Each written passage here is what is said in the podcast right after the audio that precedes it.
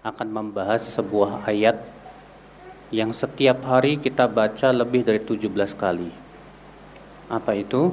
Ihdinas siratal mustaqim. Tunjuki kami ke jalan yang lurus. Ini setiap hari kita baca 17 kali, Pak. Kenapa ya? Kalaupun kita sudah dapat hidayah, tetap saja kita disuruh untuk membaca itu, Pak. Apalagi kalau kita belum dapat hidayah. Ada apa?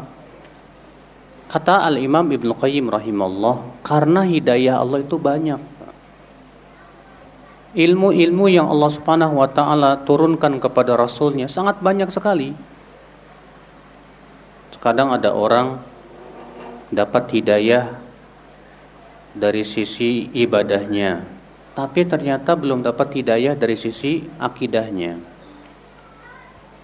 Ada orang dapat hidayah akidahnya bagus, ibadahnya bagus, tapi akhlaknya belum dapat hidayah. Ada orang masya Allah akhlaknya bagus, tapi ternyata belum dapat hidayah dalam muamalahnya. Banyak sekali hidayah yang Allah turunkan kepada kita itu luar biasa sekali. Maka kita terus minta kepada Allah, ihdinas siratal mustaqim. Ya Allah, berikan kami hidayah ke mana? Kepada jalan yang lurus. Kita membutuhkan hidayah. Iya. Kita sangat butuh hidayah. Hidayah itu kata para ulama ada dua macam, Pak. Yang pertama hidayatul irsyad wa huwal ilm. Itu hidayah berupa ilmu. Ya, Al-Qur'an hidayah tidak? Hidayah. Hadis hidayah bukan hidayah. Isinya ilmu. Ini macam yang pertama.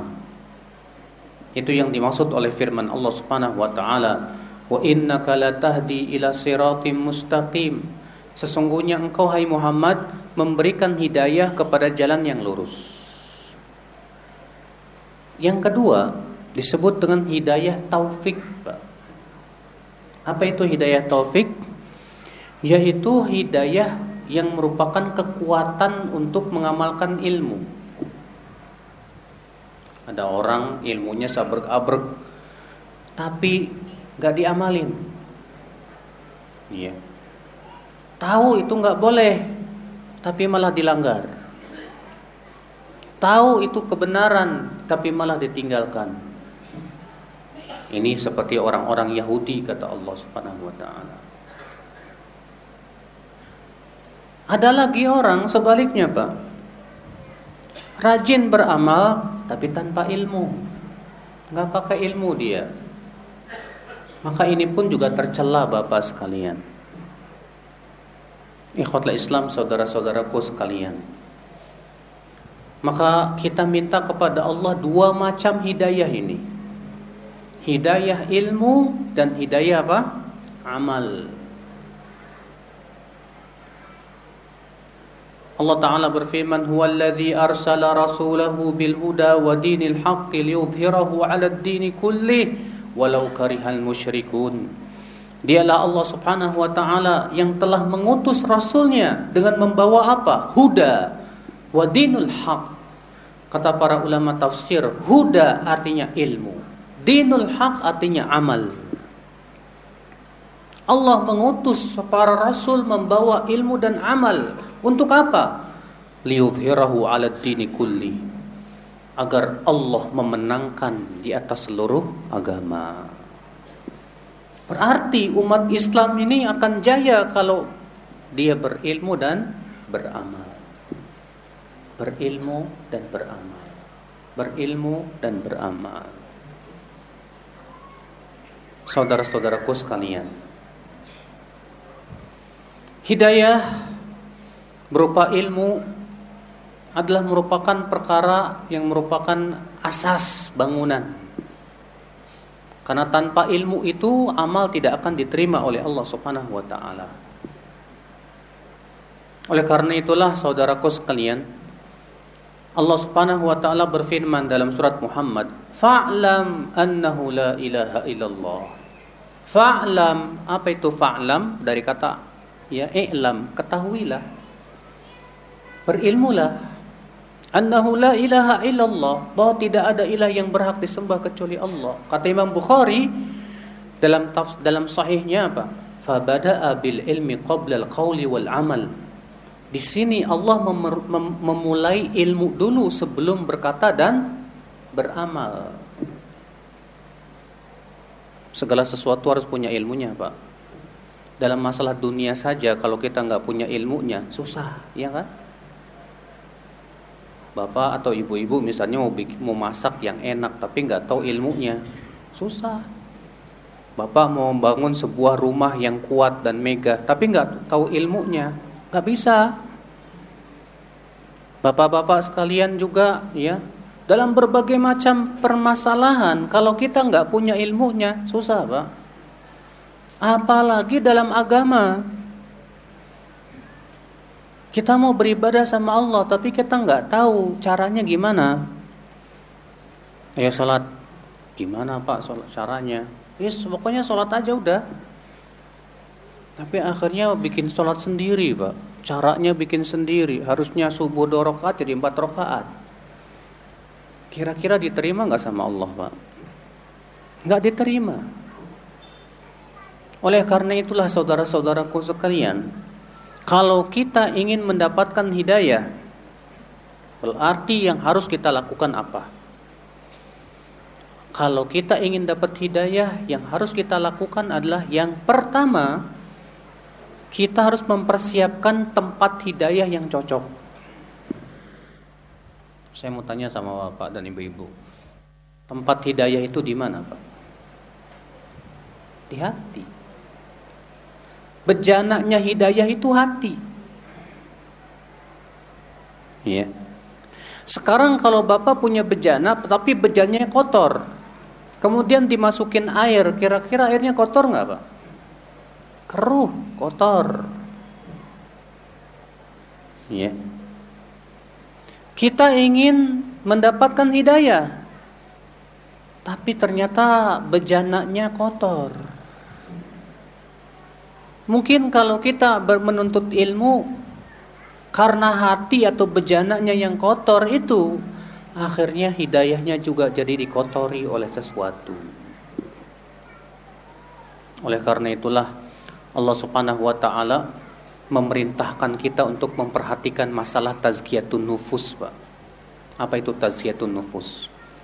Membersihkan jiwa kita. Allah Ta'ala berfirman dalam surat Asy-Syams.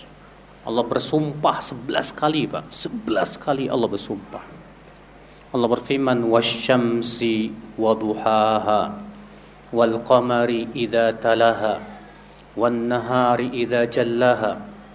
والليل إذا يغشاها والسماء وما بناها والأرض وما طحاها ونفس وما سواها lihat sebelas Allah tidak pernah bersumpah lebih banyak dari ayat ini surat ini Bayangkan Allah sampai sebelas kali bersumpah Untuk apa Allah bersumpah sebelas kali sebanyak itu Pak Maka Allah menyebutkan jawab sumpahnya Qad aflaha man zakkaha Sungguh telah beruntung orang yang mensucikan jiwanya.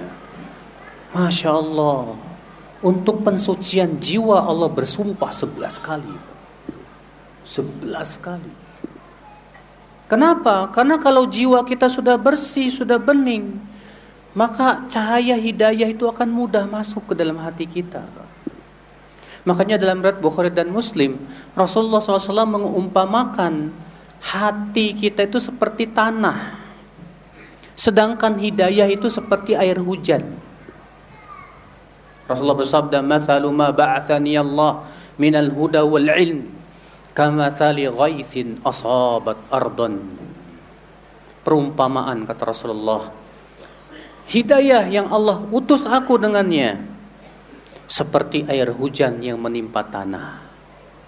Fakanat minha ta'ifah tayyibah qabilatil ma'a wa ambatatil kala wal kathir. Di antara tanah itu kata Rasulullah ada tanah yang subur dan gembur.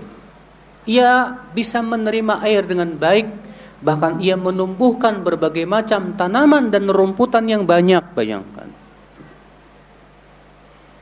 Iya. Wal ukhra tumsiku ma'an wala tumbitu kalaan. Ada yang kedua kata Rasulullah, jenis tanah yang bisa menahan air tapi tidak bisa menumbuhkan tanaman, Pak. Dia hanya sebatas menampung air saja ini. Tapi tanah itu kurang mendapatkan apa? Faidah dari air tersebut. Yang ketiga kata Rasulullah apa? Innama hiya Bagaikan tanah yang tandus dan licin. Tidak bisa menahan air dan juga tidak bisa menumbuhkan tanaman. Fadzalika man mathalu man faquha fi dinillah. Itu perumpamaan orang-orang yang fakih dalam agama Allah Subhanahu wa taala. Makanya Pak, coba deh supaya air hujan itu diterima dengan baik oleh tanah dan supaya tanah itu menumbuhkan tanaman yang bagus, itu tanah harus digimanain, Pak? Mau tidak mau harus diolah, betul tidak? Tanya sama petani. Bagaimana caranya supaya tanah itu subur? harus dicanggulin, dikasih pupuk dan yang lain. Hati kita juga harus seperti itu. Kalau kita hati kita ini ingin tumbuh subur keimanan, ingin betul-betul keimanan pun berbuah menjadi amal. Berarti yang harus kita lakukan adalah kita harus membersihkan jiwa kita. Bersihkan jiwa kita. Bersihkan hati kita. Tadi di khutbah Jumat ya saya menyampaikan bahwa keselamatan kita nanti di hari kiamat tergantung keselamatan hati kita.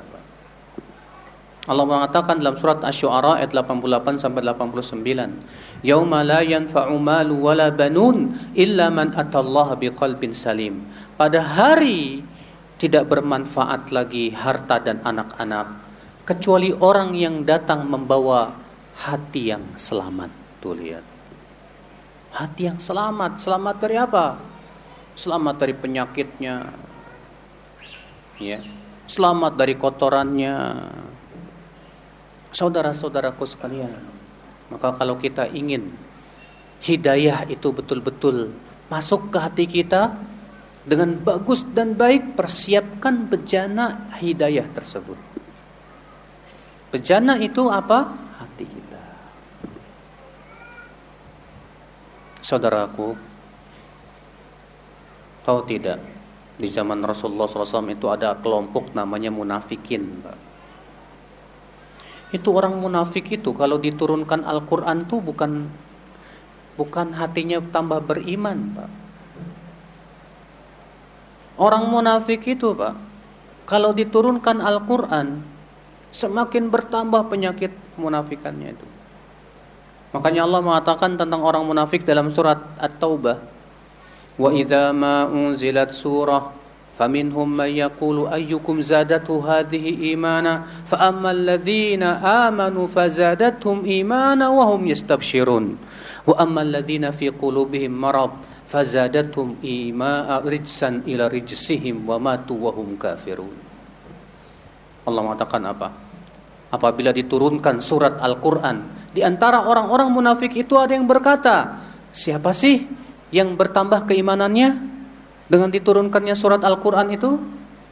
Maka Allah menjawab, adapun orang yang beriman dengan diturunkan Al-Quran, bertambah imannya dan mereka gembira. Adapun orang-orang yang ada di hatinya penyakit kemunafikan, dengan diturunkan Al-Quran malah bertambah penyakit di samping penyakit yang ada Pak. Kenapa Pak? Karena ternyata hat, bejana hatinya itu ada penyakitnya itu Pak. Bayangkan kalau tanahnya itu banyak hamanya Pak. Kita nanam apa pun juga tanamannya nggak bagus jadinya Pak. Bahkan bisa mati. Sama halnya dengan hati kita. Ya. Kita terkadang punya penyakit misalnya masih cinta dunia. Ya, cinta dunia itu identik dengan tiga, Pak. Duit, harta. Yang kedua, tahta. Yang ketiga, wanita. Kalau hati kita ini Pak, Masya Allah masih cinta dunia, masih mengharapkan tahta, masih mengharapkan harta. Terkadang ilmu itu nggak ada manfaatnya kita pelajari. Terkadang cinta dunia itu membuat kita apa? Gelap mata, tidak peduli lagi halal haram sudah. Udah, yang penting saya dapat duit, mau haram kayak terserah. Kenapa? Karena hati kita masih gelap gulita. Hati kita masih diseret di apa ada penyakitnya. Penyakit itu penyakit yang mengerikan. Penyakit itu adalah penyakit syahwat, penyakit cinta dunia. Sehingga akhirnya dia tahu ini haram, tahu sih. Cuman gimana ya? Kenapa kok bisa begitu? Kamu kan tahu sudah tahu itu haram toh, masih juga dilakukan sih. Itulah Pak Jawabannya karena hati kita berpenyakit. Sehingga akhirnya ilmu yang sudah kita ketahui tidak ada manfaatnya bahkan ilmu itu menjerumuskan kita ke dalam api neraka. Makanya Rasulullah SAW sabda Al-Qur'anu hujjatun laka au alaik. Al-Qur'an itu hujah yang akan membantu kamu atau Al-Qur'an itu hujah yang akan menjerumuskan kamu ke dalam api neraka. Ngeri saudara-saudaraku sekalian. Jadi kalau kita ingin dapat hidayah, yang pertama kali kita lakukan apa? Yaitu siapkan bejana hidayah yang bagus. Apa itu? Hati kita. Bersihkan ia dengan banyak istighfar dan taubat. Bersihkan ia dari berbagai macam penyakit-penyakitnya Bapak sekalian. Ini yang pertama saudaraku. Yang kedua, supaya kita dapat hidayah, apa yang kita lakukan saudaraku? Yaitu kita harus menghindari hal-hal yang bisa menghalangi hidayah. Iya. Apa penghalang-penghalang hidayah itu, Pak? Tabir-tabir hidayah yang menyebabkan hidayah tidak bisa masuk ke hati kita. Tabir yang pertama Takabur sombong Seperti iblis Yang disuruh sujud kepada Adam gak mau Allah mengatakan wa idh qulna lil malaikati isjudu li Adam fasajadu illa iblis aba wastakbar wa kana minal kafirin dan ingatlah kepada ketika kami berkata kepada para malaikat sujudlah kalian semuanya kepada Adam semuanya sujud kecuali iblis. Kenapa? Aba, enggan dan sombong dia. Sombong kata Rasulullah ada dua macam, Pak. Rasulullah SAW dalam riwayat Muslim bersabda apa? Al-kibru batarul haqqi wa ghamtun nas.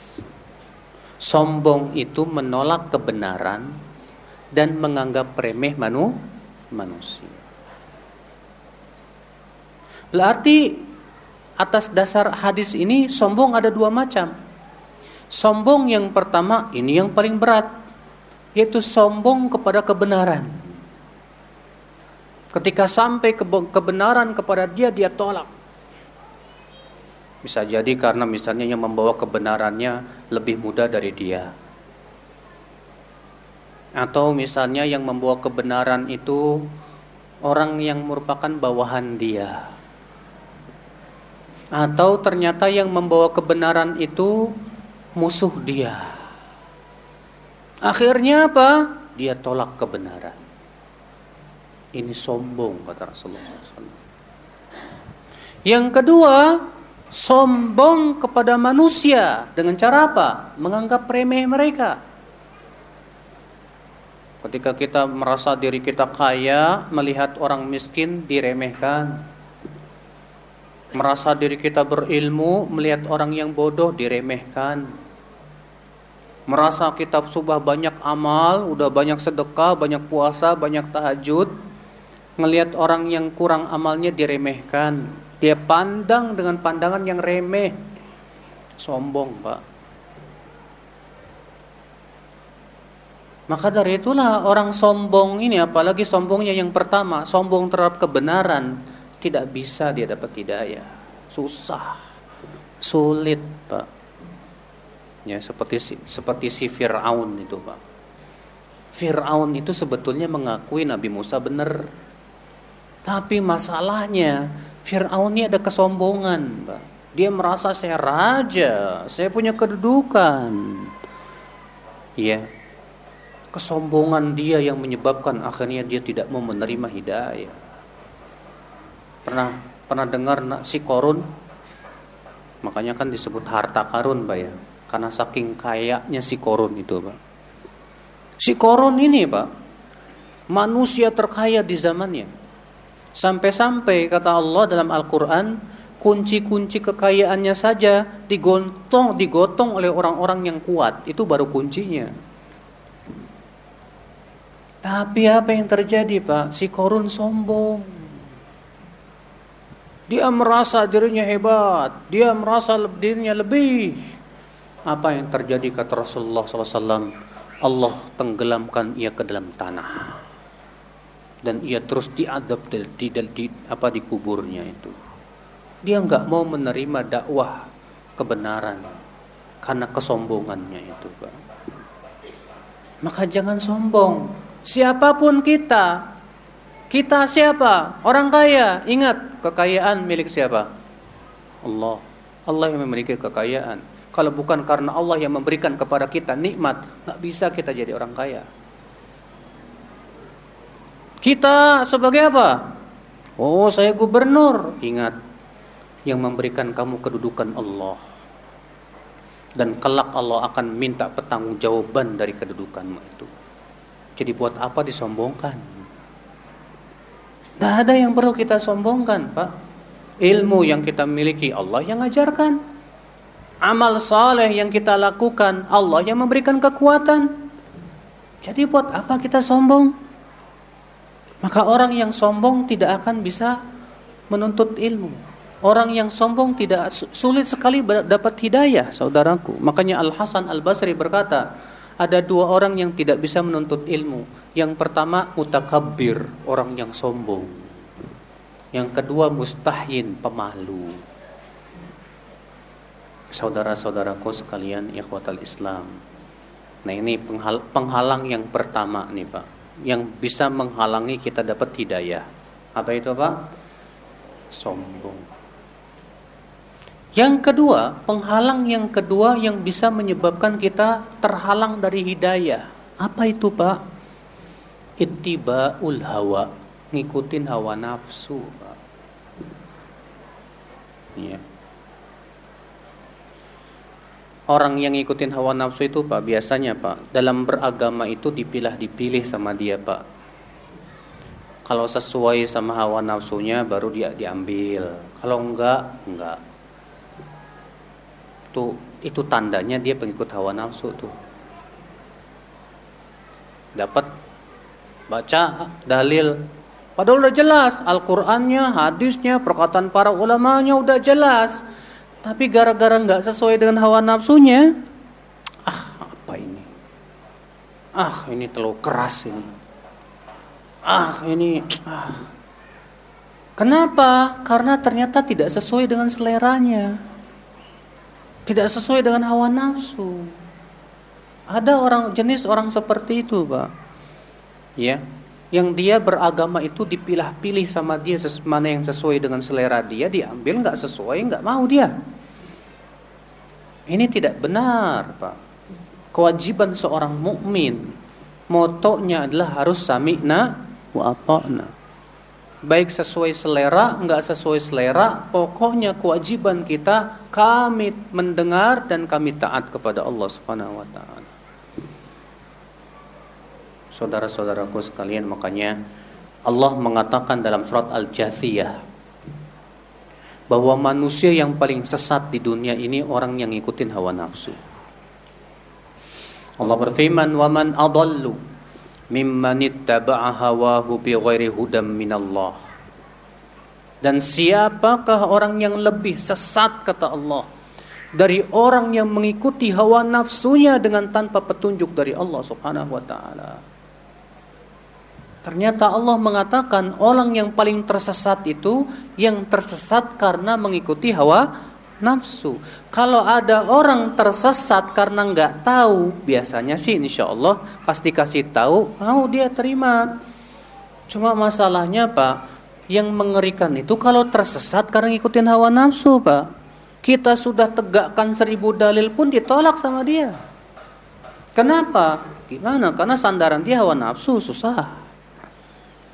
Makanya sebagian ulama mengatakan, ya tanda pengikut wahyu sebelum beramal dia cari dalil. Sedangkan tanda pengikut hawa nafsu beramal dulu baru cari-cari dalil ya. Tanda apa? Mengikut wahyu sebelum beramal dia cari apa? Dasarnya, dasarnya apa ya? Dari Al-Qur'an dan hadis. Ada amalin. Sedangkan tanda pengikut hawa nafsu kata para ulama, dia ngamalin dulu baru cari-cari dalil yang pas. Nah, kalau kita begitu berarti kita masih ngikutin hawa nafsu tuh, Pak. Iya. Makanya saudaraku, kita ini pengikut Rasul. Bukan apa? penyaing Rasul. Saya yakin semua muslim, semua kita kalau ditanya, "Kamu pengikut siapa?" "Oh, saya pengikut Nabi Muhammad SAW." Masya Allah. Saya mau tanya, yang namanya ngikut di depan apa di belakang, Mbak? Yang ngikut harus di belakang lah, jangan di depan. Berarti harus kita ikuti. Rasul ke kanan kita ke kanan. Rasul ke kiri kita ke kiri. Rasul berhenti kita berhenti. Ini enggak. Kita ngikutin tapi kita bikin sendiri. Gimana? Katanya pengikut. Makanya saudara-saudaraku sekalian Ya Nah ini Jangan kita dalam beragama itu ngikutin hawa hawa nafsu dan selera kita, Pak. Iya. Karena memang subhanallah ya, Pak ya. Banyak perintah-perintah Allah itu tidak selaras dengan keinginan hawa nafsu kita, Pak. Dan banyak larangan-larangan Allah itu ternyata sesuai dengan hawa hawa nafsu. Nah, itulah memang ujian banget dah. Ya, ketika ada perintah Allah yang tidak sesuai dengan hawa nafsu dan ketika ada larangan-larangan yang sesuai dengan hawa nafsu, di situlah kita diuji oleh Allah Subhanahu wa taala. Apakah kita akan mendengar dan taat atau tidak? Ya. Berat Bapak sekalian. Memang jalan menuju surga itu tidak mudah. Surga itu hanya bagi orang-orang yang mau berjuang saja. Dan kita harus punya sifat pejuang, Pak. Pejuang untuk mendapatkan surga. Dengan cara apa? Sabar menaati Allah, sabar meninggalkan maksiat-maksiat. Gak apa-apalah. Saya sabar di dunia daripada sabarnya di neraka.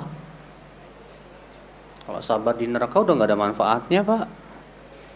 Allah mengatakan ya kepada penduduk api neraka. Isbiru aula tasbiru sawaun alaikum. Kamu sabar kamu nggak sabar sama aja buat kamu kata Allah kepada penduduk api neraka. Tapi kalau kita sabar di dunia sebentar manfaat besar Pak insya Allah makanya dari itulah sabar ketika perintah Allah tidak sesuai dengan hawa nafsu. Sabar sabarkan dirimu. Dan sabar ketika larangan Allah sesuai dengan hawa nafsu kita untuk kita tinggalkan. Sabar sabar. Kalau nggak sabaran pasti ngomongnya gini pak. Ini agama berat banget sih. Dikit-dikit nggak boleh dikit-dikit haram. Mendingan agama situ yang sono sini boleh itu boleh enak. Ada tuh pak artis begitu akhirnya pindah agama.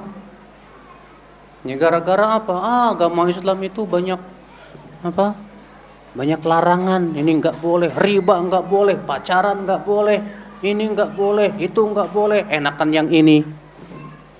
Ya, Itu akibat nggak sabar.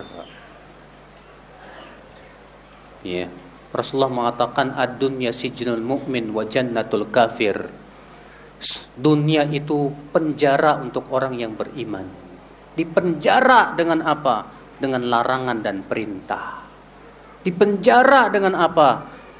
Ya, dengan perintah-perintah Allah dalam Al-Quran dan hadis Nabi Sallallahu Alaihi Wasallam dan larangan-larangannya. Ya, memang penjara dunia itu. Tapi pak masalahnya kalau kita di dunia nggak mau dipenjara, penjara kita di akhirat. Ya silakan aja pilih mau dipenjara di mana. Mau dipenjara di dunia apa di akhirat. Dan tidak bisa berkata, saya nggak mau dipenjara dua-duanya. Nggak mungkin, nggak mungkin, Pak. Iya. Allah hanya memberikan pilihan dua saja. Kamu mau sabar di dunia atau mau sabar di neraka? Silahkan pilih itu. Masya Allah saudara-saudaraku sekalian. Allah berfirman, ya, mengancam orang-orang yang menyelisih perintah Rasul. فَلْيَحْذَرِ الَّذِينَ يُخَالِفُونَ عَنْ أَمْرِهِ أَنْ تُصِيبَهُمْ فِتْنَةٌ أَوْ يُصِيبَهُمْ عَذَابٌ أَلِيمٌ Hendaklah waspada orang-orang yang menyelisih perintah Rasul itu untuk ditimpa fitnah atau ditimpa adab yang pedih kata Allah. Lihat Allah memberikan dua tawaran buat siapa? Dua tawaran buat orang yang menyelisih perintahnya. Silakan kamu pilih. Mau ditimpa fitnah atau ditimpa adab yang pedih. Dua-duanya pahit. Apa yang dimaksud dengan fitnah kata Imam Ahmad? Yang dimaksud dengan fitnah dalam ayat itu yaitu syirik. Lah kalau bapak ditimpa syirik, mati di atas syirik, haram masuk neraka, Pak. Eh masuk neraka. Haram masuk surga. Haram. Allah mengatakan innahu may yusyrik billah faqad harramallahu alaihil jannah. Sesungguhnya siapa yang mempersekutukan Allah, Allah haramkan surga bagi dia. La ilaha illallah. Berarti pilihan kita cuma satu, Pak. Sabar di dunia. Untuk tidak mengikuti hawa hawa nafsu. Karena sebetulnya apa? Allah memberikan perintah dan larangan itu untuk kebaikan siapa sih? Hah? Untuk kemaslahatan Allah? Enggak. Allah enggak butuh sama kita. Allah enggak butuh kepada makhluknya. Allah ghaniyun 'anil alamin. Allah tidak butuh kepada seluruh alam semesta. Allah enggak butuh. Justru semua makhluk butuh kepada Allah Subhanahu wa taala. Apakah kita kita kira, Pak, Allah butuh kepada salat kita? Enggak. Apakah kita kira Allah mendapatkan keuntungan dari amal ibadah kita? Enggak, seper, satu persen pun enggak. 0,1 persen pun enggak. Sama sekali tidak. Allah berfirman, "In ahsantum ahsantum li anfusikum wa in asatum falaha." Jika kalian berbuat baik, maka kalian berbuat baik untuk diri kalian sendiri. Jika kalian berbuat buruk kata Allah, keburukan itu pun juga untuk kalian sendiri. Allah tidak diuntungkan dengan kebaikan kita. Allah pun tidak dirugikan dengan maksiat kita. Jadi saudaraku sekalian, perintah Allah semuanya maslahat dan larangan Allah pasti sifatnya mudarat untuk kehidupan kita. Sadari itu saudaraku. Agar kita tidak mengikuti hawa hawa nafsu. Nah ini ini penghalang yang kedua, Pak. Yang bisa menghalangi kita mendapatkan hidayah. Apa itu, Pak? Ikutin hawa nafsu, Pak. Ya. Penghalang yang ketiga yang menyebabkan kita ini terhalang dari hidayah. Apa itu ta'zimul akli? Merasa bangga dengan akalnya, Pak. Dia lebih menghebatkan akal pikirannya daripada dalil. Karena dia merasa merasa intelektual, dia merasa masya Allah pinter, Akhirnya Al-Quran, hadis di otak atik dengan akal dia. Kalau tidak sesuai dengan akalnya, ditolak. Kalau sesuai dengan akal pikirannya diterima. Wah ini bahaya pak. Tahu nggak pak? Yang pertama kali menolak perintah Allah dengan akal itu siapa? Iblis. Ketika Allah memerintahkan iblis dan para malaikat seluruhnya untuk sujud kepada Nabi Adam. Ya. Allah bertanya kepada iblis, "Ma mana'aka?" Ya. Allah tasjuda id amartuk. Hai iblis, apa yang membuat kamu tidak mau sujud? Ma mana'aka antas sujud? Apa yang membuat kamu tidak mau sujud hai iblis? Apa kata iblis, Pak? Khalaqtani min nar wa khalaqtahu min tin. Ya Allah, Engkau ciptakan aku dari api, sedangkan Engkau ciptakan Adam dari tanah. Sedangkan api kan lebih baik daripada tanah. Seharusnya dia yang sujud sama aku. Lihat Pak, perintah Allah ditolak sama akal pikirannya Pak. Maka kalau kita menolak perintah Allah dengan akal pikiran kita, ya mirip-mirip lah sama iblis. Jangan sampai Pak kita menolak dengan akal pikiran. Banyak perkara agama yang ti, kalau kita pikirkan dengan akal susah dicerna. Ini dia Ali bin Abi Talib sebagaimana diriwayatkan oleh Imam Abu Daud, Tirmizi, Nasai dan yang lainnya. Apa kata Ali bin Abi Talib? "Lau kana ad-dinu bir-ra'yi lakana asfal al-khuf aula bil mashi min a'lah." Walaqad ra'aitu Rasulullah SAW yamsahu a'lal khuffi Kalaulah agama kita ini dasarnya ro'yu, maksudnya akal pikiran, tentu bagian bawah khuf itu lebih layak untuk diusap daripada bagian atasnya. Khuf itu sepatu kulit ya. Sungguh justru aku melihat kata Ali bin Abi Thalib, aku melihat Rasulullah SAW mengusap bagian atas bukan bagian bawah. Padahal yang nginjek najis bagian mana? Bagian bawah, tapi kok sama Rasulullah yang diusap bagian atas. Kata Ali bin Abi Thalib, ini kalau secara akal pikiran nggak masuk di akal nih.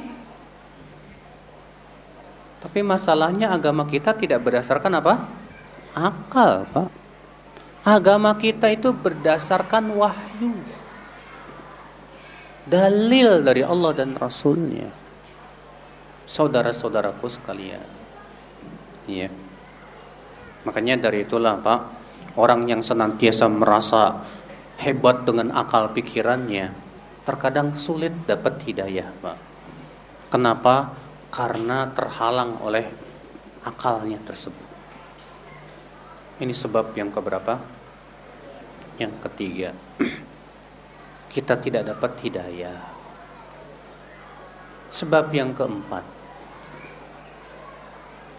kita lebih mengedepankan nenek moyang kita.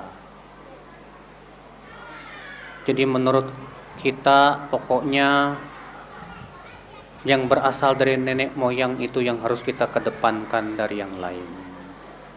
Nah, kayak ginian pun juga susah dapat hidayah nih, Pak. Baca sama Bapak surat Al-Baqarah ayat 164.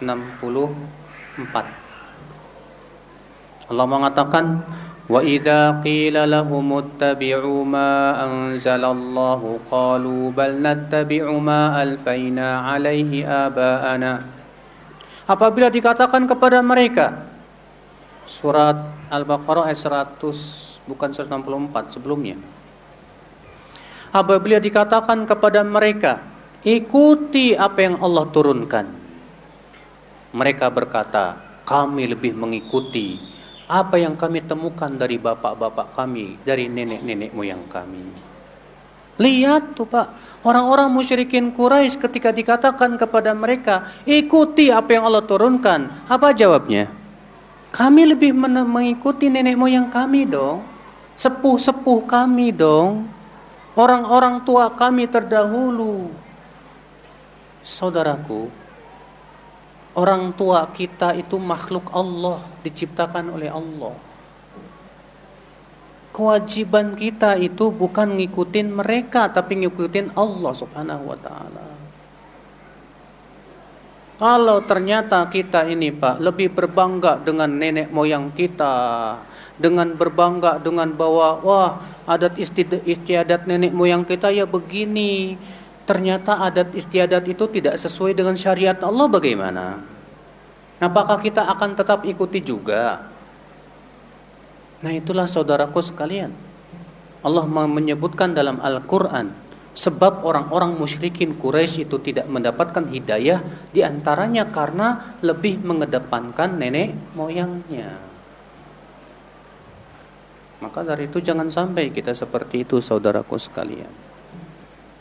Parameter kita adalah firman Allah dan sabda Rasulullah sallallahu alaihi wasallam sesuai dengan apa yang dipahami oleh para ulama dari kalangan sahabat tabi'in tabi'ut tabi'in dan para ulama setelahnya. Iya. Kemudian penghalang hidayah yang keberapa? Yang selanjutnya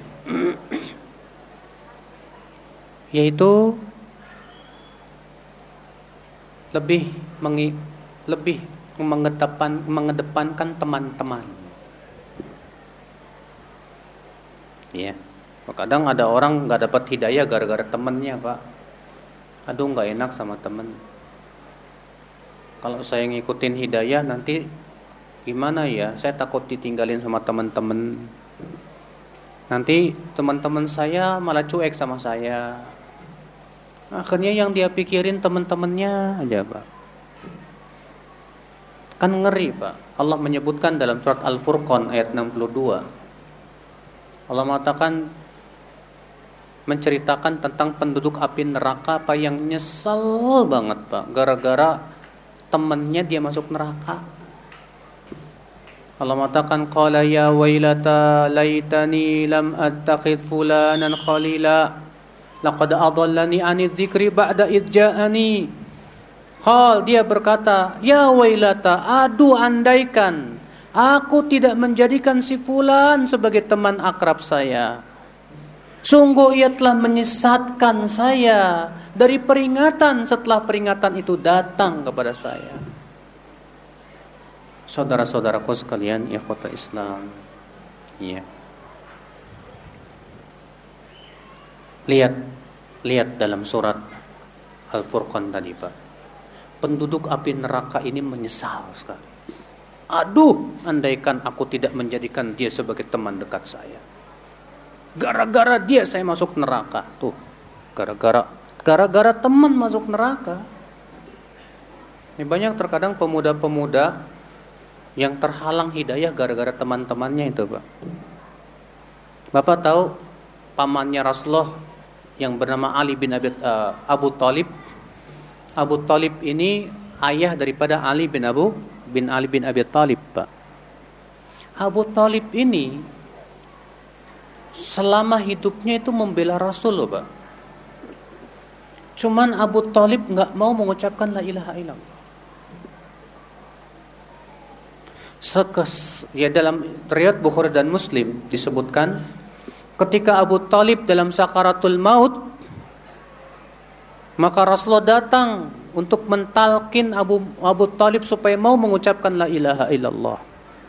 Tapi rupanya di sisi Abu Talib ada dua pentolan Quraisy yang musyrik. Ketika Rasulullah berkata kepada pamannya, "Hai pamanku, ucapkan la ilaha illallah." Dengan kalimat itu aku akan bela kamu di sisi Allah, hai pamanku. Tapi apa yang terjadi? Abu Jahal berkata kepada Abu Talib, "Hai Abu Talib, apakah kamu tidak menyukai agama ayahmu Abdul Muttalib?" Maka Rasulullah mengulangi lagi, ucapkan la ilaha illallah pamanku. Abu Jahal mengulangi lagi, apakah kamu benci kepada agama bapakmu Abdul Muttalib? Akhirnya Abu Talib memutuskan untuk mati di atas agama bapaknya. Dan gak mau mengucapkan la ilaha illallah. Gara-gara apa? Teman yang buruk tuh. Teman yang buruk nih bahaya banget, Pak. Maka dari itulah saudaraku Rasulullah SAW menyuruh kita itu untuk memilah dan memilih teman. Enggak ada dalam istilah dalam Islam tuh Pak istilah gaul sama setiap orang enggak ada. Rasulullah bersabda, "Al-mar'u 'ala dini khalili, falyanzur ahadukum ila man yukhalil." Seseorang itu di atas agama temannya, maka hendaklah dia melihat dengan siapa dia berteman. Kulihat Rasulullah yang mengatakan begitu. Hadisnya Hasan dari Abu Daud dalam sunannya. Ya, berarti yang kita jadikan teman itu siapa Pak? Yang bisa menyeret kita ke surga. Adapun kalau teman itu menyeret kita ke dalam api neraka, tinggalkan, tinggalkan. Nah ini saudara-saudaraku sekalian ya, di antara penghalang-penghalang apa? Hidayah. Maka coba kita tinggalkanlah hidayah tersebut, saudaraku. Ini yang ketiga. Ya, agar kita mendapatkan hidayah, kita berusaha untuk menghindari penghalang-penghalang hidayah. Yang keempat, agar kita mendapatkan hidayah, kita harus mencari hidayah. Ingat, hidayah itu tidak datang sendiri, Pak. Hidayah itu harus kita cari. Dan sudah kita sebutkan tadi hidayah ada dua macam. Hidayah berupa ilmu dan hidayah berupa apa? Amal. Harus kita cari, harus kita usahakan. Makanya kan Allah dalam Al-Quran memerintahkan kita nyari ilmu nggak Pak? Iya. Allah berfirman, Qul hal yastawi alladhina ya'lamuna walladhina la ya'lamun. Katakan, apakah sama antara orang yang berilmu dengan orang yang tidak berilmu? Sama tidak? Tidak sama. Ini pertanyaan sebetulnya nggak perlu dijawab. Sudah jelas kok jawabannya.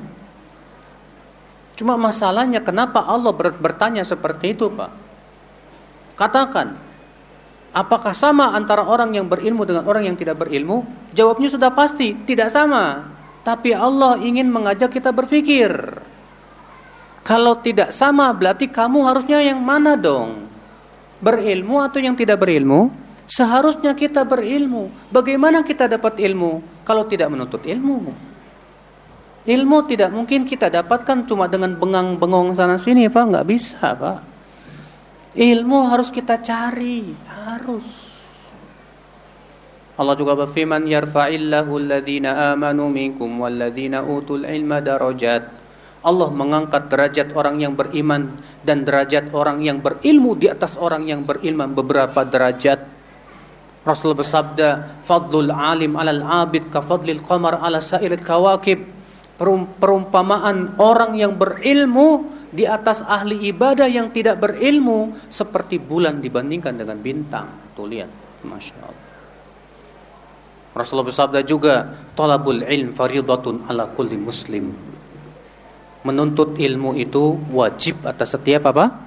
Muslim. Coba deh, Pak. Sudah berapa ayat yang kita pelajari? Sudah berapa hadis yang sudah kita pernah pelajari. Kita berusaha semaksimal mungkin, Pak. Ya, untuk terus menambah ilmu kita tentang agama kita ini, Pak. Ingat, ingat tanda orang yang Allah inginkan kebaikan itu adalah orang yang mau memperdalam ilmu agama. Rasulullah bersabda dalam riwayat Muslim, Idza aradallahu bi'abdi khairan. Apabila Allah menginginkan kebaikan kepada seorang mukmin, eh, kepada seseorang, yufaqihu fid Allah akan jadikan ia faqih dalam agama. Berarti tanda orang yang Allah inginkan kebaikan untuknya, dia mau menuntut ilmu agama, Pak. Mau mempelajari ilmu agama, Masya Allah. Maka itu tanda orang-orang yang diinginkan kebaikan. Pemahaman kebalikan dari hadis ini apa? Orang yang tidak diinginkan kebaikannya oleh Allah yaitu orang yang dijadikan ia tidak mau belajar ilmu agama. Iya. Ada orang kalau belajar ilmu dunia semangat banget, Pak.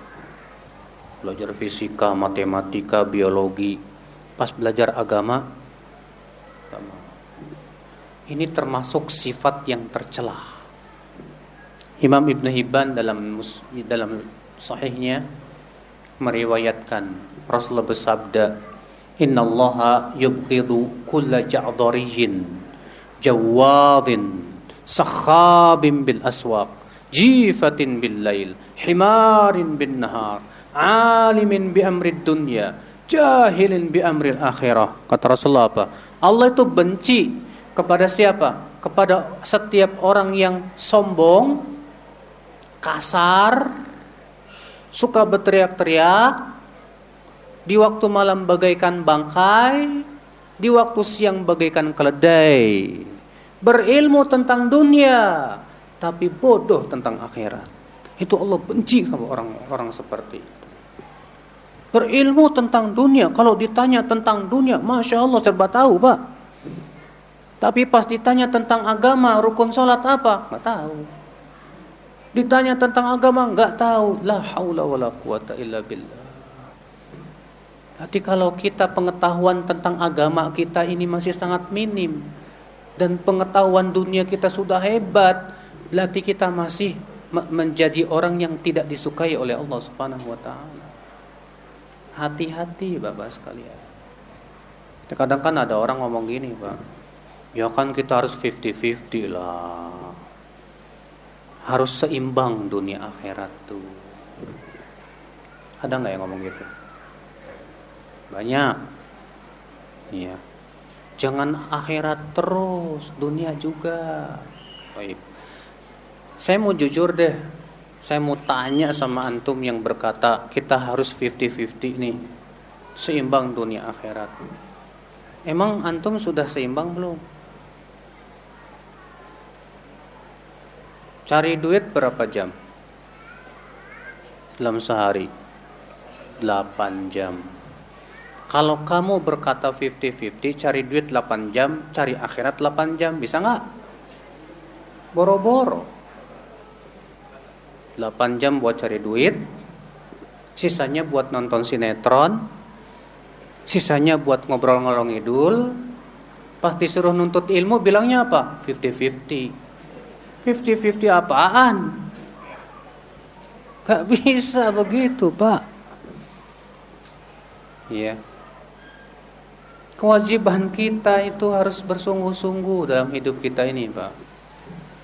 Jangan jadikan agama itu sebagai sampingan gitu loh, Pak. Kok agama jadi sampingan? La haula wala quwata illa billah. Terkadang kan nasihat kita kepada anak begini, "Nak, cari sama kamu dunia, tapi jangan lupakan akhirat." Sementara Allah nasihatnya beda. Wabtaghi fima atakallahu daral akhirah. Wa la tansa nasibaka dalam surat apa itu? Al-Qasas ayat, ayat 70 cari oleh kamu apa yang Allah sediakan dari kehidupan akhirat. Tapi jangan lupakan kehidupan dunia. Allah mengatakan cari akhirat jangan lupakan dunia. Kita cari dunia jangan lupakan akhirat. Jadinya akhirat sampingan Dunia tujuan. La haula wala quwata illa billah. Salah seperti itu, Pak. Moto seorang mukmin itu berpikir bagaimana setiap aktivitas saya bernilai pahala.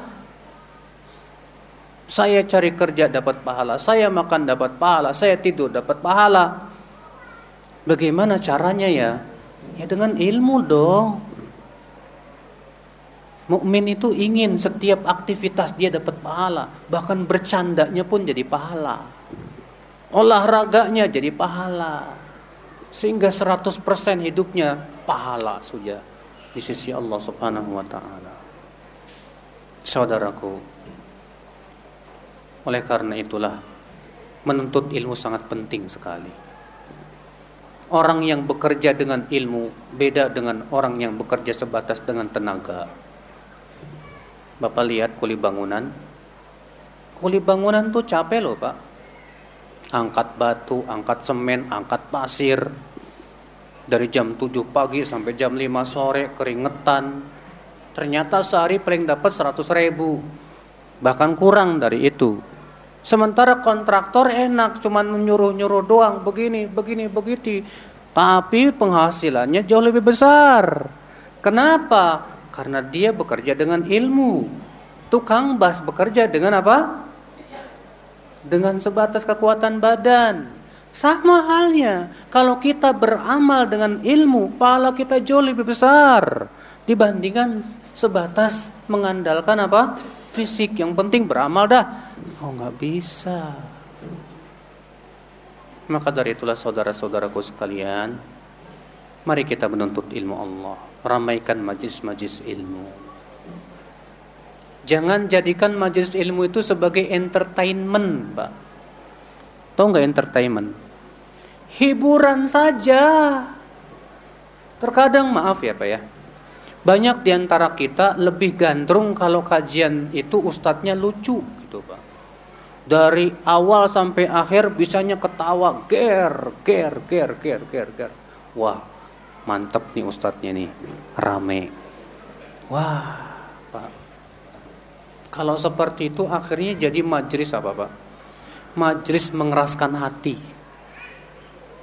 Kenapa? Karena Rasulullah mengatakan iya wa kasratad dhahik fa inna kasratad dhahik tumitul qalb. Jauhi oleh kamu banyak tertawa. Karena banyak tertawa itu bisa mengeraskan hati, mematikan hati. Nah kalau tujuan majelis taklim itu melembutkan hati saudaraku. Makanya lihat majelisnya Rasulullah SAW. Majelisnya Rasulullah itu penuh dengan kekhusyuan. Majelisnya Rasulullah SAW itu membuat hati kita takut sama Allah Subhanahu Wa Taala.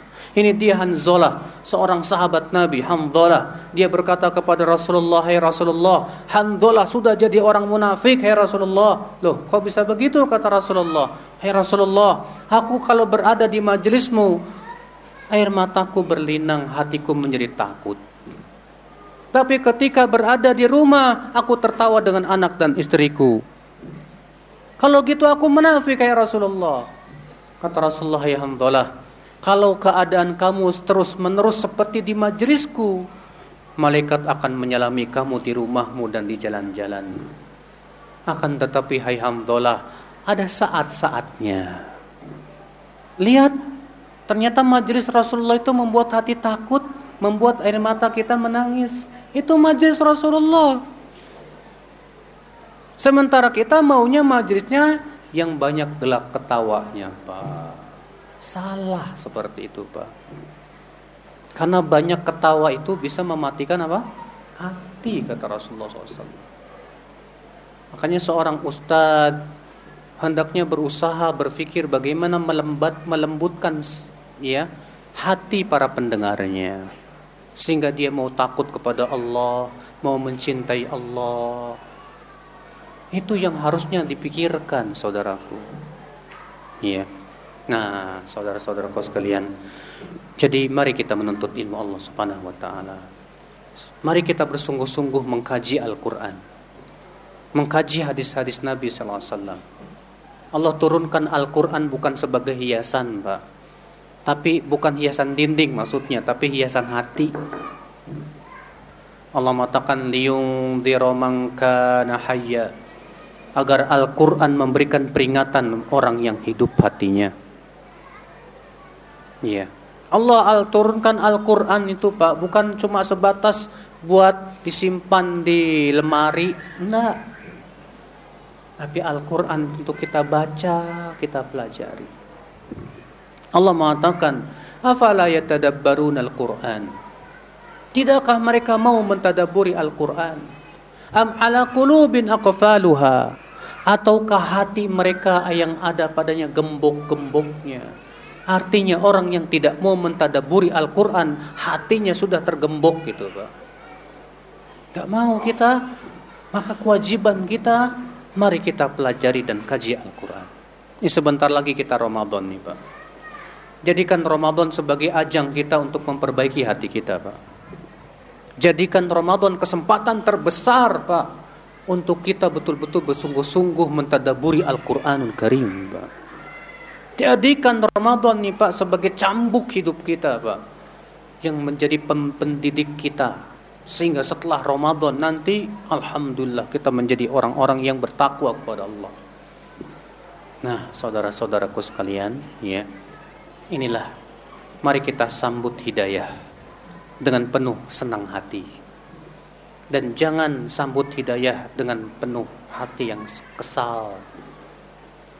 Hati yang tidak suka.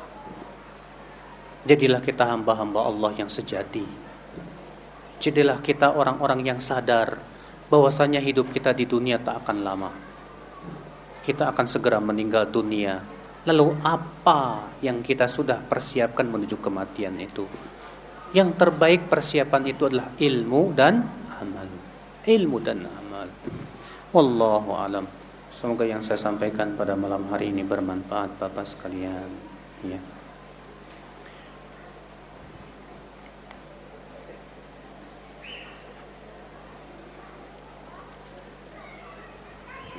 Ada tabungan pertanyaan di sini, masya Allah.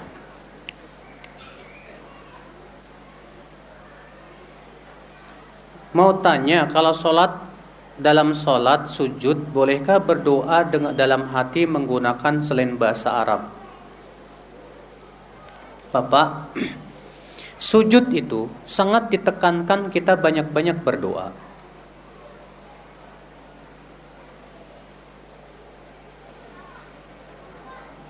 Ini buat yang udah. Rasulullah bersabda, "Fa amma sujud fajtahidu fihi du'a." Adapun sujud, bersungguh-sungguhlah kalian berdoa pada waktu itu. Rasulullah menyuruh kita dalam sujud itu bersungguh-sungguh apa? Berdoa. Tapi ingatlah ya, bukan cuma sujud terakhir aja, Pak. Semua sujud. Semua sujud. Jadi waktu kita sujudnya banyak-banyak berdoa. Tapi masalahnya Ustaz saya nggak bisa bahasa Arab. Saya pengen berdoa dari diri saya sendiri, boleh nggak pakai bahasa Indonesia? Ikhtilaf para ulama. Apakah boleh atau tidak? Sebagian mengatakan boleh nggak masalah. Kenapa? Karena Rasulullah menganjurkan kita untuk banyak berdoa dalam sujud dan Allah Maha tahu bahwa di antara hamba-hambanya pasti ada yang tidak tidak bisa bahasa Arab. Ada yang mengatakan nggak boleh. Ada yang mengatakan boleh tapi cukup di hati saja. Yang lebih selamat cukupkan dengan doa-doa Rasul. Karena doa Rasul itu sebetulnya sudah mencakup loh Pak. Coba doa sapu jagat. Allahumma atina fid dunya hasanah wa fil akhirati hasanah wa qina adzabannar. Artinya apa? Ya Allah berikan kepada kami kebaikan di dunia dan berikan kepada kami kebaikan di a. Semua kebaikan yang Bapak minta itu masuk dalam ayat itu. Ya kan? Makanya doa-doa Al-Quran dan hadis itu sifatnya global. Supaya apa? Supaya masuk semua perkara. Sementara kita maunya yang detail. Iya. Padahal kalau kita doanya Masya Allah Kalau Bapak Bapak udah hafal berapa doa Rasul Doa Rasul tuh puluhan bahkan ratusan Pak Masalahnya karena kitanya nggak mau ngapalin jadinya Susah Padahal kalau kita ngapalin tuh doa-doa doa-doa Rasul yang sahih Masya Allah itu sudah mewakili semua yang kita minta kepada Allah Subhanahu wa taala. Semua yang kita inginkan insyaallah. Ya. Apa sih bedanya ria, sombong, ujub dan takabur? Ria, ria itu artinya ingin dilihat orang. Sehingga kita mengharapkan pujian orang tersebut. Ya. Bapak lagi sholat tahajud, update status sedang tahajud. Bapak ya baca Quran, update status. Jadi semua ibadah Bapak pengen kelihatan orang. Hati-hati loh Pak. Ria itu do syirik kecil tapi lebih lebih berat dari dosa besar Pak. Rasulullah SAW bersabda dalam hadis riwayat Muslim, Salasatun awwalu man yuqda bihim yaumal qiyamah. Ada tiga orang yang pertama kali dilemparkan ke dalam api neraka di hari kiamat itu. Siapa? Yang pertama orang alim dan qari. Yang kedua orang yang mati syahid. Yang ketiga orang yang berinfak. Lalu orang yang alim dan qari dipanggil oleh Allah. Apa amalmu waktu di dunia? Si alim berkata dan qari ini, "Ya Allah, dahulu di dunia aku menuntut ilmu dan membaca Quran karena Engkau ya Allah." Maka Allah berfirman kepada dia, "Kadzabta, kamu dusta. Dahulu kamu menuntut ilmu karena ingin disebut ulama." Dahulu kamu baca Quran karena yang disebut qari dan kamu sudah mendapatkan titel itu. Lalu ia pun diseret ke dalam api neraka dan dimasukkan. Yang kedua siapa kata Rasulullah? Orang yang mati syahid dipanggil oleh Allah. Apa amalanmu? Ya Allah, aku berperang di jalanmu sampai aku mati syahid di jalanmu. Apa kata Allah? Kamu dusta. Kamu dahulu berperang hanya, karena yang disebut pahlawan. Dan kamu sudah mendapatkan titel itu. Diseret dan dimasukkan ke dalam api neraka. Yang ketiga orang yang berinfak dipanggil oleh Allah. Apa amalanmu? Kata dia, apa ya Allah, tidak ada satupun jalan yang suka engkau untuk diinfaki padanya, kecuali aku sudah berinfak di situ karena engkau ya Allah. Allah berfirman, kamu dusta, dahulu kamu berinfak hanya karena yang disebut dermawan. Maka ia pun diseret ke dalam api neraka. Na'udzubillah. Tuh lihat Pak, ngeri ria itu. Makanya hati-hati deh dari yang namanya ria itu Pak. Sombong, kalau sombong sudah saya jelaskan tadi. Sombong itu kata Rasulullah apa? Hah? Menolak kebenaran dan menganggap remeh manusia. Ujub, ujub itu merasa bangga dengan diri. Karena dia merasa punya kelebihan ujub. Ya. Dan ujub termasuk syirik kecil. Bisa membatalkan amal. Kalau bapak nih, biasanya sih ujub itu pak muncul setelah beramal pak. Kalau ria itu biasanya muncul sebelum atau setelah beramal. Tapi kalau setelah ber, kalau ria itu munculnya sebelum dan sedang.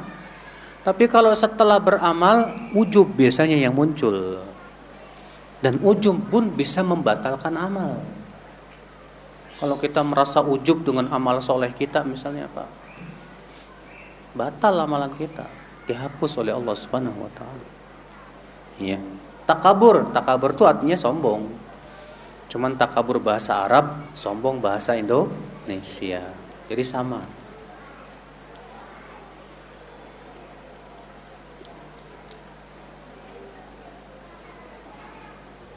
Apa hukumnya orang Islam yang memperolok syariat Islam? Waduh, Pak, mengerikan. Masa syariat Allah diolok-olok sih? Allah mengatakan bahwa dalam Al-Quran dalam surat At-Taubah tentang nasib orang-orang yang memperolok agama Allah tuh Pak. Wala in man khalaq wala in sa'altahum innama kunna nakhudhu wa nal'ab. Qul abillah wa ayatihi wa rasulihi kuntum tastahzi'un. La kafartum ba'da imanikum kata Allah. Kalau kamu bertanya kepada mereka, kenapa kalian memperolok seperti itu? Iya, mereka berkata, kami hanya bercanda saja kok. Katakan kepada mereka, apakah kepada Allah ayat-ayatnya dan Rasulnya kalian perolok? Jangan minta alasan. Kalian sudah kafir setelah keimanan kalian, kata Allah. Itu dalam, dalam surat At-Taubah, Pak. Itu ayat Sebab turunnya ayat itu apa, Pak? Yaitu ketika itu di perang di perang Ahzab apa di perang Khandaq apa? Saya lupa. Ada orang munafik berkata kepada para sahabat yang hafalan yang hafal Quran. Apa kata orang munafik ini?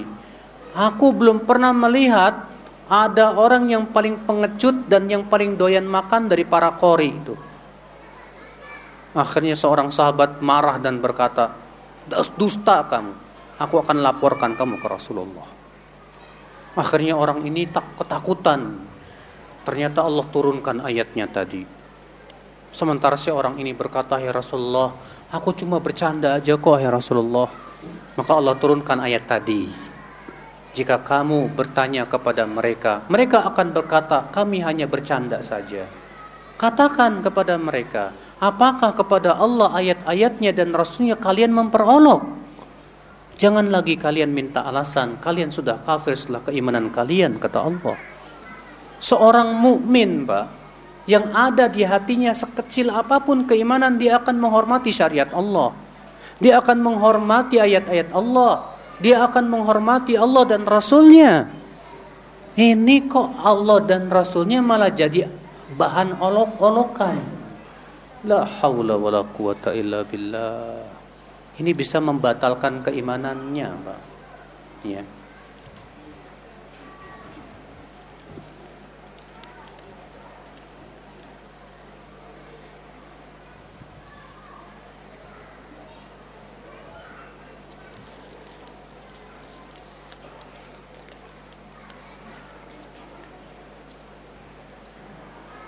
Suami istri sama-sama bekerja dan sama-sama membangun rumah dari kedua gaji suami istri tersebut. Pertanyaannya, rumah tersebut jadi waris siapa? Ketika salah satu di antara mereka meninggal. Ketahuilah saudaraku, dalam Islam itu harta suami sama harta istri harus dipisah. Supaya apa? Kalau suami meninggal, harta istri nggak ikut-ikutan dibagi-bagi. Sebaliknya juga harta istri pun harus dipisah. Nah sekarang diperkirakan aja deh.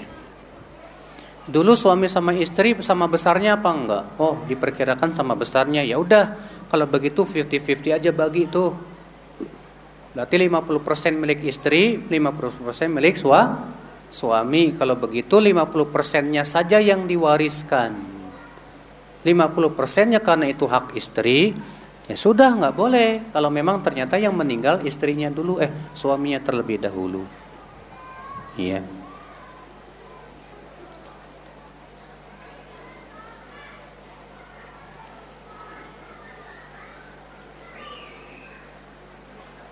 Apakah ada dalil yang sahih tentang menghatamkan Al-Quran minimal dua kali dalam setahun?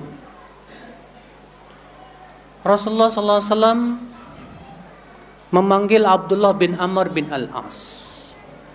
Hadisnya sahih dari Muslim.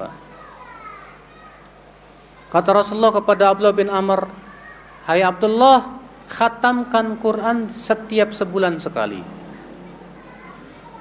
Kata Abdullah, "Hai Rasulullah, aku mampu lebih cepat dari itu." Kalau begitu khatamkan setiap 15 hari sekali. Kata Abdullah, aku mampu lebih cepat dari itu ya Rasulullah. Kata Rasulullah khatamkan dalam tujuh hari sekali. Kata Abdullah aku lebih mampu lebih cepat dari itu ya Rasulullah. Kata Rasulullah kalau begitu khatamkan setiap tiga hari sekali. Kata Abdullah aku mampu lebih cepat dari itu ya Rasulullah. Kata Rasulullah tidak ada kebaikan bagi orang yang menghatam Quran lebih cepat dari tiga hari. Berarti hadis itu menunjukkan paling banter satu mi, satu bulan khatam. Bukan setahun dua kali, Pak. Sebulan sekali. Ini menunjukkan kita sangat dianjurkan sebulan sekali khatam. Kalau kita kan khatamnya Ramadan doang. Setelah Ramadan dah selesai juga. Ya nggak bagus, Pak. Kalau bisa kita khatamkan sebulan sekali bagus. Tapi kalau memang nggak bisa juga dua bulan sekali ya nggak masalah lah. Iya. Yang jelas hadis tersebut menunjukkan kita sangat dianjurkan untuk banyak-banyak baca Quran. Iya. Sebutkan dalam hadis riwayat Ahmad dan yang lainnya dan hadis itu sahih. Man al mi'at ayah fi lailah faka'annama qawmal laila kullah. Siapa yang membaca 100 ayat dalam satu malam seakan-akan ia sholat semalam suntuk. Tuh lihat, 100 ayat pak. Banyak nggak ya pak? Banyak sih, tapi kalau dibiasain nggak banyak sebetulnya pak. Ya, cuman butuh pembiasaan aja.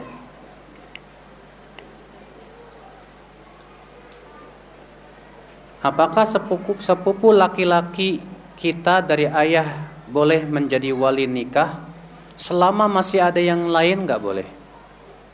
Selama masih ada ayah nggak boleh. Selama masih ada kakak nggak boleh. Selama masih ada paman nggak boleh. Kalau semua sudah tidak ada, adanya sepupu baru. Itu atas pendapat sebagian ulama. Sementara sebagian ulama mengatakan hendaknya wali hakim. Ya.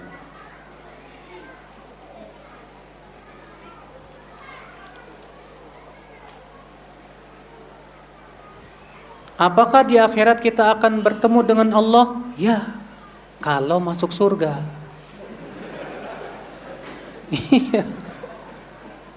kan Allah menyebutkan dalam Rasulullah SAW sabda Allah berfirman dalam surat Yunus lilladzina ahsanul husna wa ziyadah bagi orang-orang yang berbuat kebaikan akan diberikan kepada mereka surga dan tambahan Rasulullah SAW bersabda Yaqulullahu ta'ala Yaumal qiyamah li ashabil jannah. Pada hari kiamat nanti Allah akan berfirman kepada penduduk surga Ya alal jannah Hal azidukum min syai' Wahai penduduk surga Maukah aku tambahkan untuk kalian sesuatu? Maka penduduk surga berkata kepada Allah Ya Rabb Alam tubayyid wujuhana wa tudkhilnal jannah.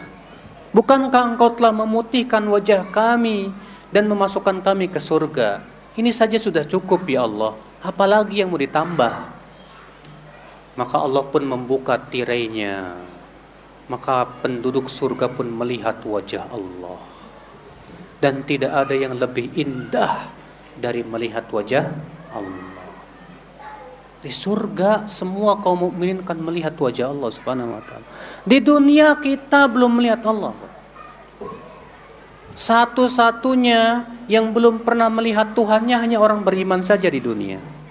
Selain orang beriman sudah melihat Tuhannya, Pak, di dunia, Pak. Iya. Hanya kita yang belum melihat Tuhan kita. Maka nanti di akhirat Orang-orang yang kafir kepada Allah tidak bisa melihat Allah Subhanahu wa taala. Hanya orang beriman saja yang bisa melihat Allah Rabbul Izzati wal Jalal. Alhamdulillah. Makanya kalau pengen melihat Allah, kalau gitu istiqomah sampai meninggal dunia. Ya, di atas keimanan. Kalau kita masuk surga, kita bisa melihat Allah Subhanahu wa taala biidznillah.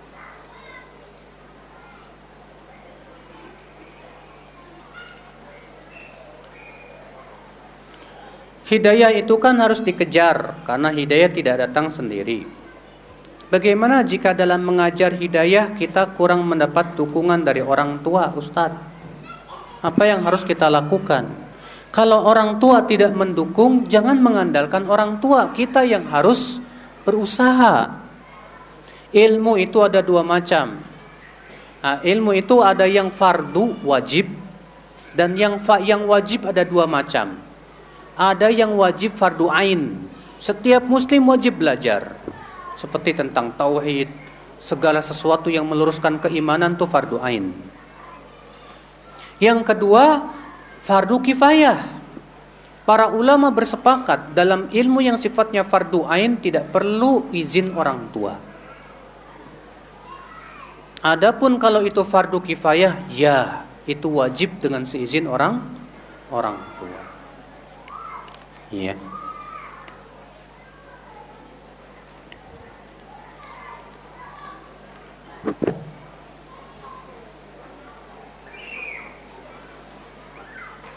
Apa benar ada yang mengatakan begini, jangan berbaring ketika azan, nanti jenazah kita jadi berat. Jangan berbicara ketika azan, nanti kita tidak bisa mengucapkan, tidak dapat mengucapkan la ilallah ketika hendak meninggal itu hadisnya palsu, Pak. Bukan sabda Rasul, bukan. Iya. Menjawab adzan hukumnya apa? Jumhur ulama mengatakan sunnah, bukan wajib. Gara-gara meninggalkan yang sunnah jenazahnya jadi berat. Yang kedua, para ulama mengatakan jenazah berat atau ringan itu bukan tanda dia husnul khotimah atau enggak. Lah kalau badannya gembrot ya berat atau pak. Gak mungkin badannya gembrot atau ringan gak mungkin itu. Kita menganggap kalau jenazah berat itu banyak dosa, belum tentu. Belum tentu kata siapa. Yang kedua, menjawab azan, apa ada keterangannya di Rasul kalau kita menjawab azan harus duduk? Enggak ada. Bukankah disebutkan dalam ayat alladzina yadhkuruna Allah qiyaman wa qu'udan wa 'ala junubihim yaitu orang-orang yang mengingat Allah ketika berdiri, ketika duduk, ketika berbaring. Tuh lihat. Allah mengatakan mengingat Allah berzikir boleh ketika berdiri, boleh ketika duduk, boleh ketika berbaring. Dalam hadis Aisyah Rasulullah bersabda, "Kana Rasulullah SAW yadhkurullah ala kulli ahyani." Rahul Bukhari adalah Rasulullah SAW berzikir pada setiap keadaannya, baik berdiri, duduk maupun ber, berbaring. Makanya dari itu hadis tersebut batil. Tapi aneh pak, itu hadis laris di kalangan kita. Di share ke mana-mana. Ya. Mungkin yang yang bikinnya tujuannya baik sih biar memotivasi, tapi kan caranya dengan berdusta atas nama Rasul. Sementara Rasul bersabda man kadzaba alayya muta'ammidan falyatabawa maq'adahu minan nar. Barang siapa yang berdusta atas namaku dengan sengaja, hendaklah ia mempersiapkan tempat duduknya di neraka. Tuh lihat. Hati-hati. Jangan jangan seenaknya men-share hadis.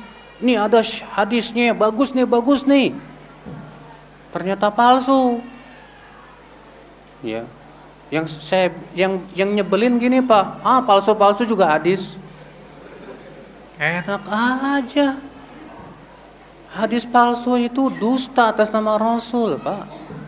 Nggak boleh disebarkan nggak boleh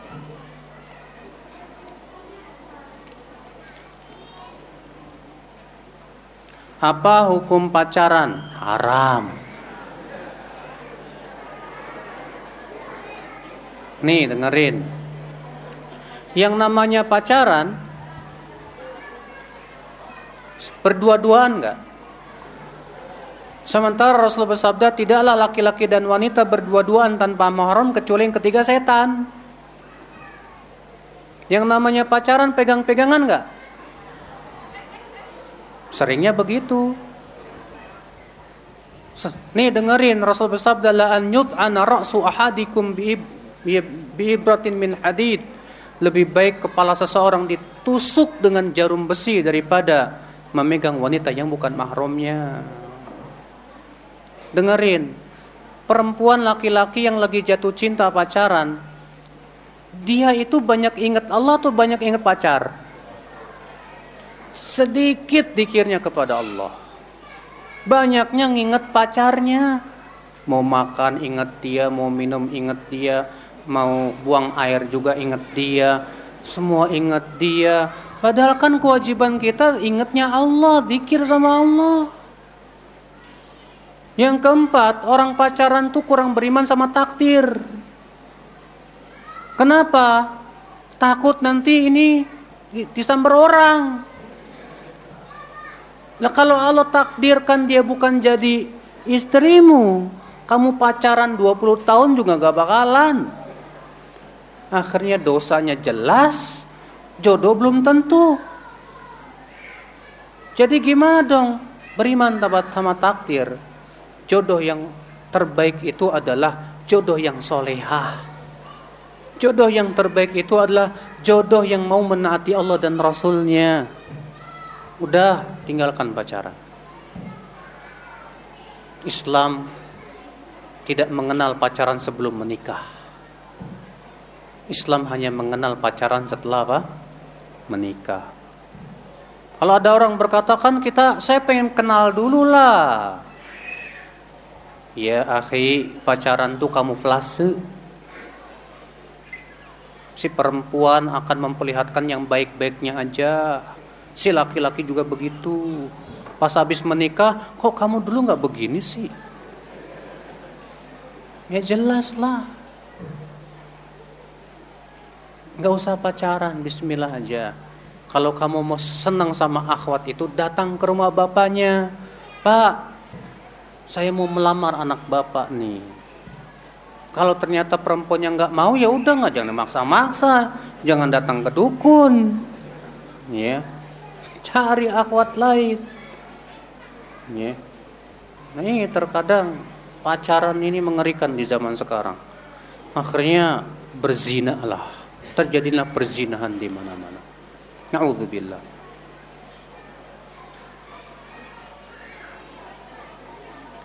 Di sini sangat banyak tanah wakaf tapi digunakan untuk kepentingan pribadi itu dosa. Tanah wakaf itu tidak boleh dibuat dipakai untuk kepentingan pribadi. Wakaf ya wakaf untuk kepentingan umum. Bukan untuk kepentingan apa? pribadi. Iya. Jadi tanah wakaf itu harusnya dimanfaatkan betul, Pak, untuk hal-hal yang sifatnya ya umum sesuai dengan tujuan wakafnya buat apa.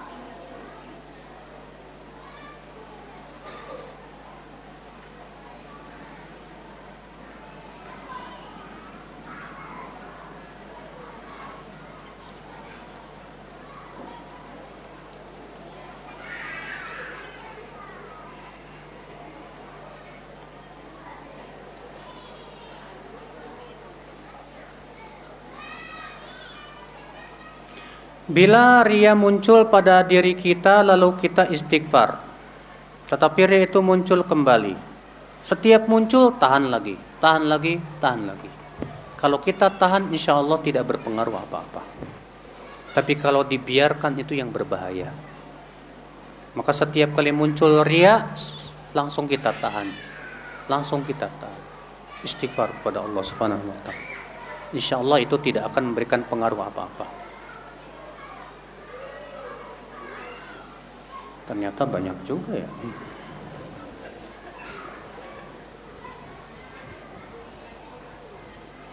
Bagaimana sikap terhadap istri yang selalu durhaka sama suami Ustadz? Padahal sudah selalu dinasehati. Pertama, suami janganlah mengharapkan istri itu tak pernah punya salah sama sekali. Rasulullah SAW mensifati wanita itu seperti tulang rusuk yang bengkok, Pak. Kata Rasulullah SAW apa? Istausu bin nisa'i khairan fa innahunna khuliqna min dhila' wa inna a'waja syai'in min ad-dhila' a'lah fa in dhahabta tuqima kasarta fa in taraktaha ma zalat a'waj. Fastausu bin nisa'i khaira. Berbuat baiklah kepada para wanita. Bersikap baiklah kepada para wanita. Karena mereka tercipta dari tulang rusuk dan tulang rusuk yang paling bengkok yang paling atas kata Rasulullah. Kalau kamu pas-pas apa paksa untuk lurus, patah. Dan kalau kamu biarkan, dia tetap bengkok. Caranya bagaimana? Istausu bin nisa'i khaira. Yaitu bersikap baik, Pak. Jadi kalau perempuan itu dikerasin biasanya tambah bengkok. Meluruskan perempuan tidak bisa dikerasin, Pak harus dirayu-rayu. Ya harus pintar ngerayu perang istri antum. Dirayu di ini mah masya Allah. Ya betapa indahnya dirimu ketika kamu berjilbab loh mah ya kayaknya di dunia ini tidak ada yang lebih cantik dari kamu mah masya Allah dipuji-puji pak. Tapi jangan digejrotin habis itu pak. Ya. Itu tapi kalau memang ternyata sudah berbagai macam cara lembut sudah ini sudah tetap aja. Ya. Ini istrinya nggak nggak apa akhlaknya buruk. Maka kalau begitu ganti engsel pintu aja pak. Maksudnya apa? Ya cari istri lagi Ya, sekarang bapak menikah, tapi ternyata rumah bapak jadi neraka. Gimana? Sudah di dunia kita sengsara, di akhirat lebih sengsara lagi. Nggak mau kan? Tujuan menikah apa sih? Kita pengen bahagia dong. Tujuan menikah apa sih? Kita pengen masuk surga dong. Tapi kalau dengan menikah saya masuk neraka, saya nggak mau. Iya.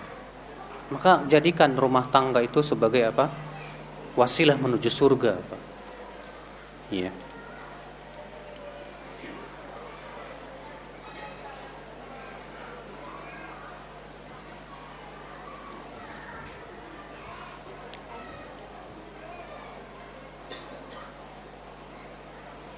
Bagaimana hukumnya membuat suatu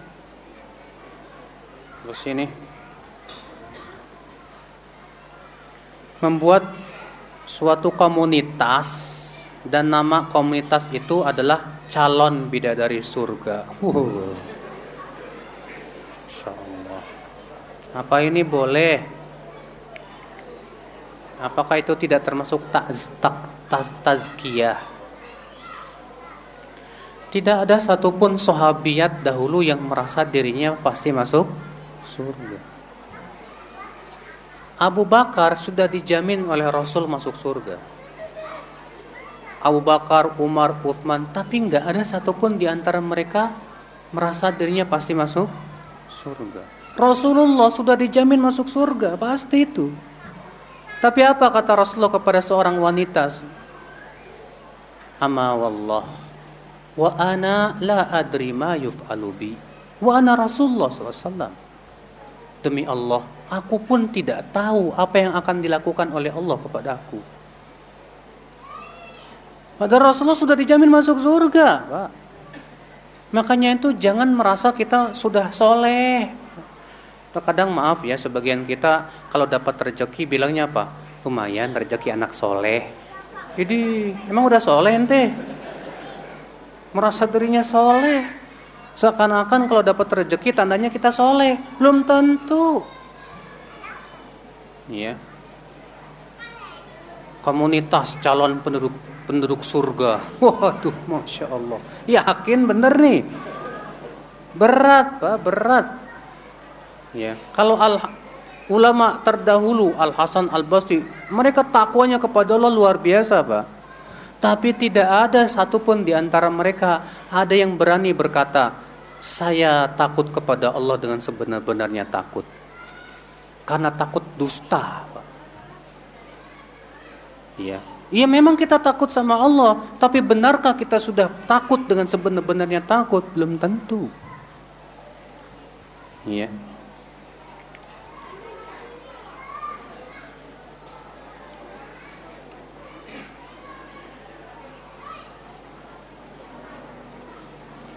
Baik, saya kira cukup sampai di sini.